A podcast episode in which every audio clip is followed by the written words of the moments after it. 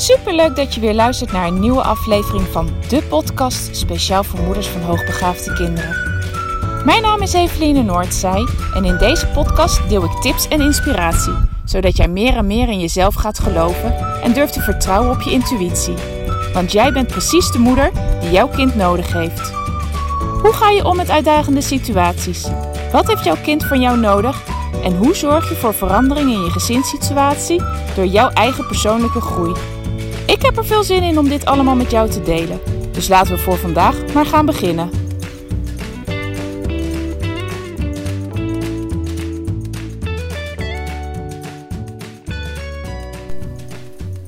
Ha, lieve luisteraars. Leuk dat je weer luistert. Ik ben nu net terug op de praktijk. Ik ben uh, voor een afspraak buiten de deur geweest. Normaal gesproken doe ik de schoolgesprekken die ik heb naar aanleiding van een onderzoek uh, online. Maar deze keer hadden de ouders gevraagd of ik erbij wilde zijn. En daar heb ik uh, een uitzondering voor gemaakt. Dus ik ben net weer terug en ik dacht, ik ruim mijn spullen op en ik ga vandaag vroeg naar huis. Maar ik wil nog eerst eens even een podcast opnemen. Nou, allereerst, mogelijk heb je het meegekregen dat ik gisteren geen podcast online stond. En dat heeft ermee te maken dat ik vorige week overvallen werd door een migraineaanval. Die ik echt totaal niet had zien aankomen. Meestal merk ik het wel aan mezelf dat er een aankomt. En heb ik het ook heel druk gehad, veel stress ervaren. En dan weet ik, nou ja, oké, het zit eraan te komen. Ik moet even op mijn tellen passen. Maar dat had ik vorige week dus helemaal niet. En ik werd er ontzettend door overvallen. En het heeft even een weekje gekost, maar die week had ik de tijd nodig om ook even na te denken van ja, wat betekent dit nu? Want eigenlijk heeft mijn lichaam gewoon op de handrem getrokken. Of aan de handrem getrokken, op de rem getrapt. En um, betekent gewoon dat ik rustiger aan moet doen. Uh, terwijl ik dacht dat, dat ik het eigenlijk relatief rustig aandeed, uh, vindt mijn lichaam dus blijkbaar van niets. Dus ik heb besloten om het allemaal nou, wat anders in te gaan delen, wat dingen te veranderen, ook binnen mijn werk. Dus wat meer te gaan automatiseren. Uh, dat scheelt al een stukje werk. Nou, allemaal dingen die ik de komende weken ga doorvoeren. Met het oog op dat ik ja, die ene dag dat ik werk zo volledig mogelijk kan benutten. Dus dat ik zoveel mogelijk kinderen en ouders kan helpen en begeleiden. Uh, maar daarbij ook beter voor mezelf kan zorgen. En nou, het meer weer in evenwicht te krijgen. Dus daar ben ik in ieder geval mee bezig. Ga ik de komende weken ook mee aan de slag. Maar dat betekent voor mezelf ook dat ondanks dat ik had gezegd van ik ga elke week, echt nou minimaal een jaar lang, elke week, vijf keer per week een podcast online zetten. Dat ik me daar ook, ja, dat ik die druk ook wat meer van mijn schouders ga halen. Um, het is zeker mijn streven, maar mocht het gewoon eens een keer een dag niet lukken of een moment niet lukken, dan uh, kan het dus zomaar zijn dat er op die dag even geen nieuwe podcast online staat. Nogmaals, het is helemaal niet mijn bedoeling, want ik vind het hartstikke leuk om te doen, um, maar het moet geen moedje worden. En uh, nou ja, dat was voor deze week bijvoorbeeld ook. Ik uh, was nog druk met andere dingen bezig, kwam van alles voorbij. En bij, daarbij had ik gisteren ook gewoon, gisteren was dinsdag, een off day. En ik dacht, nou, dus vandaag niet. Dit is zo'n moment dat ik mezelf ook even wat meer ruimte moet gunnen. Dus dat ga ik bij deze ook doen. Nou, pak ik eventjes mijn boek erbij, want ik heb even wat aantekeningen gemaakt over waar ik het vandaag met je uh, over wil hebben. En dat gaat er eigenlijk over iets wat ik de laatste twee, drie weken met regelmaat voorbij heb horen komen. De vragen die aan mij gesteld zijn. En dat gaat heel vaak over uh, een kind, een hoogbegaafd kind. Ja, moeten we dan niet iets van therapie gaan doen of een andere vorm van hulpverlening? Want, nou, en daar zijn er allemaal redenen voor. Hè, onder andere, uh, wat ik dus heel vaak hoor, is van ja, ik denk dat we toch echt iets met ons kind moeten wat betreft uh, het omgaan met zijn emoties en het kunnen uiten van de emoties. Want ja, hij is inmiddels zeven of acht en, en dat lukt eigenlijk niet. En hij is zo gefrustreerd en zo boos. En nou, het is zo extreem allemaal. Ja, ik denk dat we toch echt uh, richting therapie moeten gaan. En nou, daar heb ik gewoon een hele duidelijke mening over, die ik dan ook heel graag in deze podcast met je ga delen. Uh, en natuurlijk is het heel vervelend. Laten we even vooropstellen als jouw kind heel veel gefrustreerd is en heel boos kan zijn, uh, boos uit school komt of nou, om het minste of geringste ontploft. En ik zeg niet dat je dat moet laten en dat je dat moet accepteren. Helemaal niet.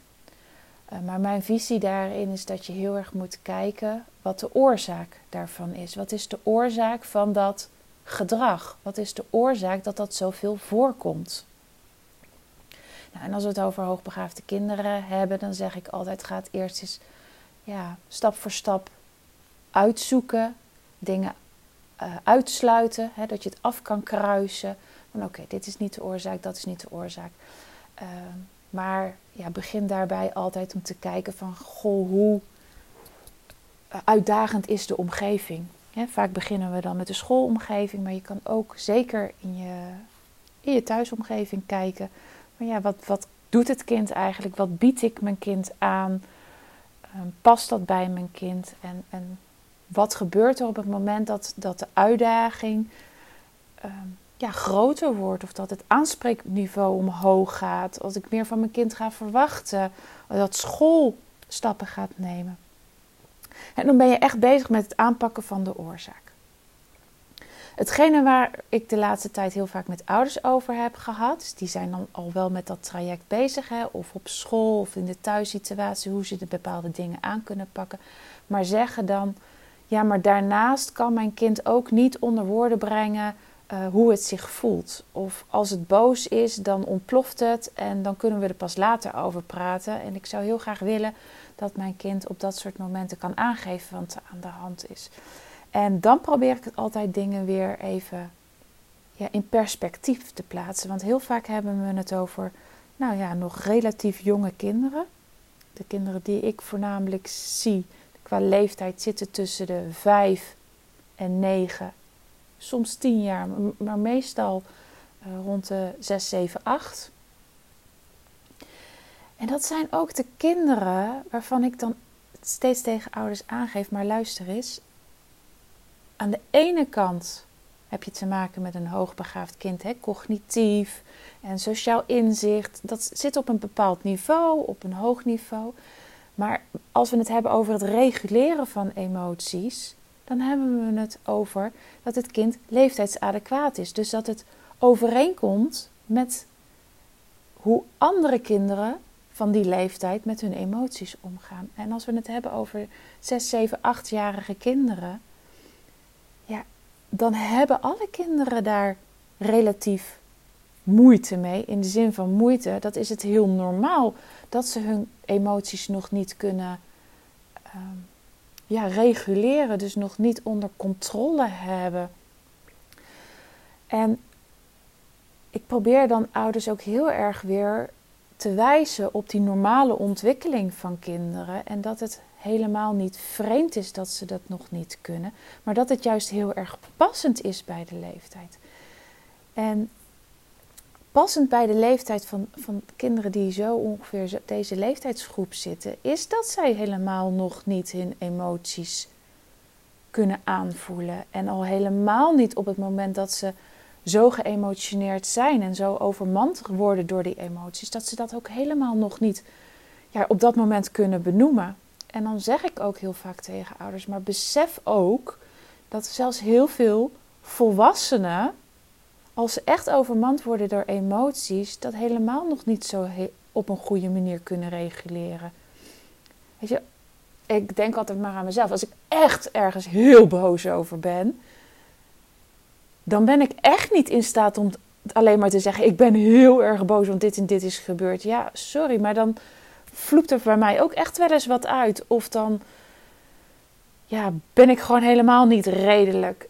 Het is ook, als we dan naar kinderen kijken, ook helemaal nog niet iets wat je van ze mag verwachten. En daarin liggen de verwachtingen heel vaak veel te hoog. En ik snap dat wel, want aan de ene kant heb je natuurlijk te maken met een kind wat heel wijs is, wat heel veel kennis heeft, dingen kan doorzien, kan analyseren, verbanden kan leggen. En dan verwacht je dat je kind ook ten aanzien van het omgaan met emoties misschien wel verder is. En dat is dus net de valkuil uh, bij, bij veel hoogbegaafde kinderen, is dat dat helemaal niet het geval is. Dus het is heel belangrijk als we het hebben met name over het omgaan met emoties. Ehm, maar ook het omgaan met, met in het sociale contact met, met ruzies of hoe je daarmee omgaat, hoe je dat oplost, dat je weer teruggaat naar de daadwerkelijke kalenderleeftijd van het kind. Dus hoe oud is jouw kind? En vergelijk het eens eventjes met andere kinderen van diezelfde leeftijd. Als we het hebben over het sociale, wat ik er nu net bij pak, het sociale, ja, ze kunnen vaak ook wel heel goed dingen doorzien en ze kunnen begrijpen dat een ander iets anders voelt dan zijzelf, maar dat wil nog steeds niet zeggen dat ze in een, een situatie daar ook naar kunnen handelen. En vaak merk je wel dat ze die stappen kunnen maken als je het achteraf met ze bespreekt, maar niet op dat moment. En dat is ook met de emoties zo. Dus heb niet te hoge verwachtingen daarin. Eh, stel ze gewoon bij en probeer het weer terug te trekken naar de leeftijd die jouw kind heeft. En dan hebben we het over kinderen van deze leeftijd die dat nog moeten leren, dat die regulatie van hun emoties. Het leren omgaan met hun emoties en hoe uit je ze adequaat. En hoe zorg je ervoor dat een ander begrijpt hoe je je voelt. Dat is een proces wat ze langzaamaan mogen leren in hun jeugd. En ik hoop dat als ik dit overbreng naar ouders en in dit geval ook naar jou, dat je beseft dat therapie of welke vorm van hulpverlening helemaal nog niet nodig is. En dat het er veel meer dan om gaat, wat draag jij als ouder daaraan bij om jouw kind dit te leren? En nogmaals, dat hoeft niet van vandaag op morgen. Daar mag jouw kind een hele lange tijd over doen om dat in de vingers te krijgen. Daarvoor is ook de, de, opvoeding een belangrijke ehm, periode. je kind krijgt in die tijd tussen 0 en nou ja, 18 of 23 jaar. Bij sommige onderdelen zijn die hersenen pas echt volgroeid zo rondom de 23 jaar die tijd moeten ze ook krijgen om dingen te leren, om vaardigheden te leren, om dingen aangereikt te krijgen, om ergens mee te mogen oefenen, fouten te maken, te vallen en weer op te staan en daarmee zichzelf verder te ontwikkelen. Ehm, en ik zie een behoorlijke tendens dat wij kinderen op steeds jongere leeftijd hele, heel veel dingen van ze verwachten, te hoge verwachtingen van ze hebben waar ze helemaal nog niet aan toe zijn. En dat we de fase van je mag dingen leren binnen een veilige omgeving, dat we die overslaan en dat we denken dat als een kind het niet direct kan, dat er maar hulp van buitenaf ingeschakeld moet worden. En ik vind dat zelf een hele verkeerde uh, tendens, omdat we daarmee de kinderen leren dat hoe ze zijn en dat je iets mag leren, dat dat dat dat niet oké is. En ik denk dat dat helemaal niet goed is. Ik denk juist dat je je kind moet leren dat, dat het mag vallen en dat het weer mag opstaan en dat je daar alleen maar beter van wordt. Ehm, en en dat, dat, dat dat het leven is, want dat geldt natuurlijk nog net zo goed voor ons als volwassenen. Ehm, ik had hier vanmorgen uh, een moeder met wie ik in gesprek was. En wij hadden het hier ook over dat ze zei van ja, maar hoe bereik ik dan dat? En toen zei ik ja, door gewoon te gaan doen en te ervaren wat er gebeurt als je het doet. En je zal het niet direct helemaal goed doen, maar dat hoeft ook helemaal niet. Je mag gewoon de tijd nemen om dat te leren. En verwacht niet dat je van A ineens bij Z bent, zonder dat je al die tussenstappen hebt willen nemen. Want zo werkt het niet. Je moet ergens doorheen en de tijd nemen om iets te leren. En uiteindelijk kom je bij je eindbestemming. Maar daar ben je niet direct. Die weg zal je af moeten gaan leggen. En dat geldt voor, voor, voor kinderen ook. Ik hoop dat je kan horen dat we niet direct iets wat normaal passend is bij de ontwikkeling moeten gaan problematiseren. Want daarmee is het kind niet gediend. Het kind heeft namelijk geen probleem met het reguleren van zijn emoties. Het kind moet het nog leren. Maar daar ben jij als opvoeder voor. En daar hoef jij, nou ik wil niet zeggen daar hoef je geen hulp bij te hebben. Uh, ik kan me voorstellen dat je daar handvaten voor wil hebben van hoe, hoe doe ik dat dan en hoe begeleid ik dat dan. Maar ik bedoel meer, daar hoef je geen hulp voor te zoeken. Dat in die zin van dat jouw kind bij een hulpverlener hoeft te komen om dat te leren. Het is jouw taak om jouw kind dat te leren. Tenminste, zo, is, zo zie ik dat. Ehm, dat het een taak van jou als ouder, als opvoeder is om je kind daarin te begeleiden. En als jij niet zo goed weet op wat voor manier jij je kind daar het beste in kan begeleiden, dan kan ik me voorstellen dat jij bij iemand die daar misschien meer kennis van over heeft, die jou dat gaat uitleggen en jou daar handvaten voor gaat bieden. Maar dat is een hele andere vorm van begeleiding die je dan vraagt dan hulp voor je kind, omdat je vindt dat je kind iets moet kunnen waar het helemaal nog niet aan toe is. Dus neem de tijd om je kind dingen te leren. Rust. Zoek ook gerust uit wat de normale ontwikkeling is. En weet je het niet, kom je er niet uit, vraag gerust even hulp. Je mag me altijd een bericht sturen van is dit normaal voor de ontwikkeling of niet normaal in de ontwikkeling. Maar laten we alles veel meer weer normaliseren en eh, niet meer gaan problematiseren. En ik denk dat iedereen daarbij geholpen is.